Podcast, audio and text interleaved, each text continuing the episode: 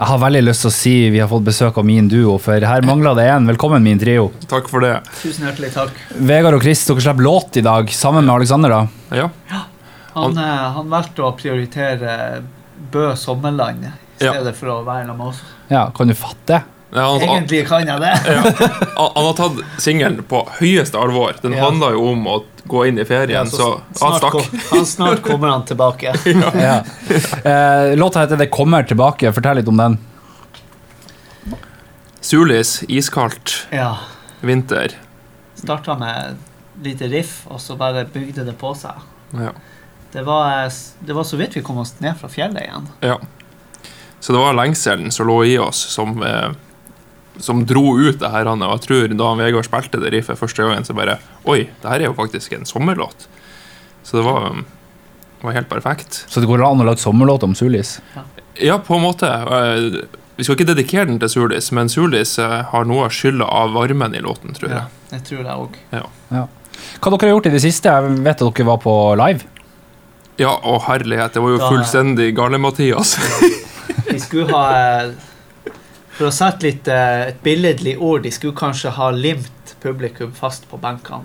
Ok, Burde de ha gjort det? Ja, de burde kanskje ha gjort det. Hvor- Hvorfor det?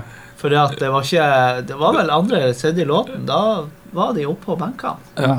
Det var stemning. Det Jeg var tror stor stemning. folk, folk var utrolig glad for å slippe ut.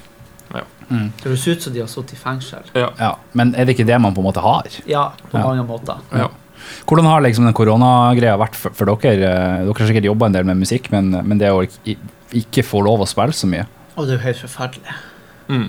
Vi har jo um, vi har brukt, eh, som de fleste, i hvert fall i Bodø vet, så har vi måttet brukt dette håret til å finne ut hva, hvem vi er og hva vi skal gjøre, med tanke på at han Håvard gikk bort i Mm. fjor. mm.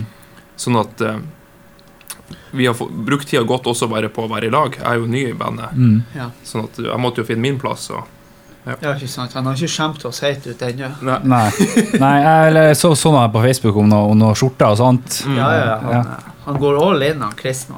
Ja. Ja. Eh, Chris, er det store sko å fylle? Altså, det er jo han, ja, vi, Selv om han er liten. og- Ja, det er det. Vi har jo mye, mye internhumor i, i dette bandet på, på størrelser. Så jeg har store sko, men eh, det var viktige og solide sko å trø inn i. Mm. Mm. Eh, Men hvordan er det? Hva tar du med deg inn til min trio? Jeg tar med meg kanskje en del ting som eh, bandet ikke ville ha gjort før jeg kom, men eh, på grunn av at de er sosialt intelligente, så har de latt meg si ting og ta inn ting som, som kanskje ikke var der før, men jeg håper og tror at vi, vi gjør hverandre gode. Mm. Ja. Mm. Og kanskje han er, han er en eh, utrolig smart og trivelig fyr, og han tar med mye kreativitet. Og, og så er han veldig flink å skrive òg. mm. Så uh, han, eh, han bringer mye, mye artig og moro. Så han er utrolig flink på logistikk og sånt òg. Så han hjelper meg og Alexander på de mest utrolige måter. ja. Kjører dere på butikken og sånt? Ja, nesten. Ja, Ja, nesten. ja, Ja.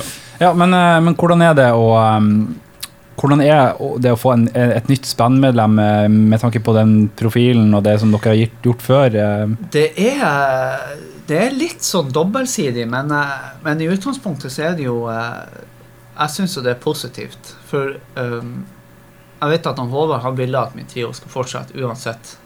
Så, det var noe av det siste vi diskuterte før han gikk bort. Det var liksom hva hvis og enn hvis. Og nå er jeg skikkelig dårlig. Hvis jeg ikke klarer det her, så må musikken videre. Og det betyr masse for folk. Så eh, du, du, dere må spille videre. Mm. Så eh, alternativet vil jo faktisk å altså ikke spille videre. Men det var litt viktig for meg og Alexander å finne en rett fyr. Ikke bare rett i For det finnes nok av flinke musikere. Vi kunne plukke og velge, og vi kunne ha spurt veldig mange forskjellige.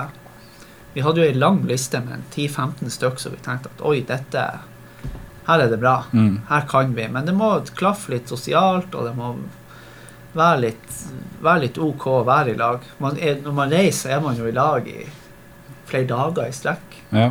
Så det må jo funke. Det må jo, kunne, det må jo funke, for å si det sånn. Men når du hadde en så lang liste på, på personer som var aktuelle, var det mulig å gjøre det om til min kvartett eller noe sånt? Vi hadde en liten diskusjon på det, men så fant vi ut at det var så inngrodd, det her eh, min trio-navnet. Mm.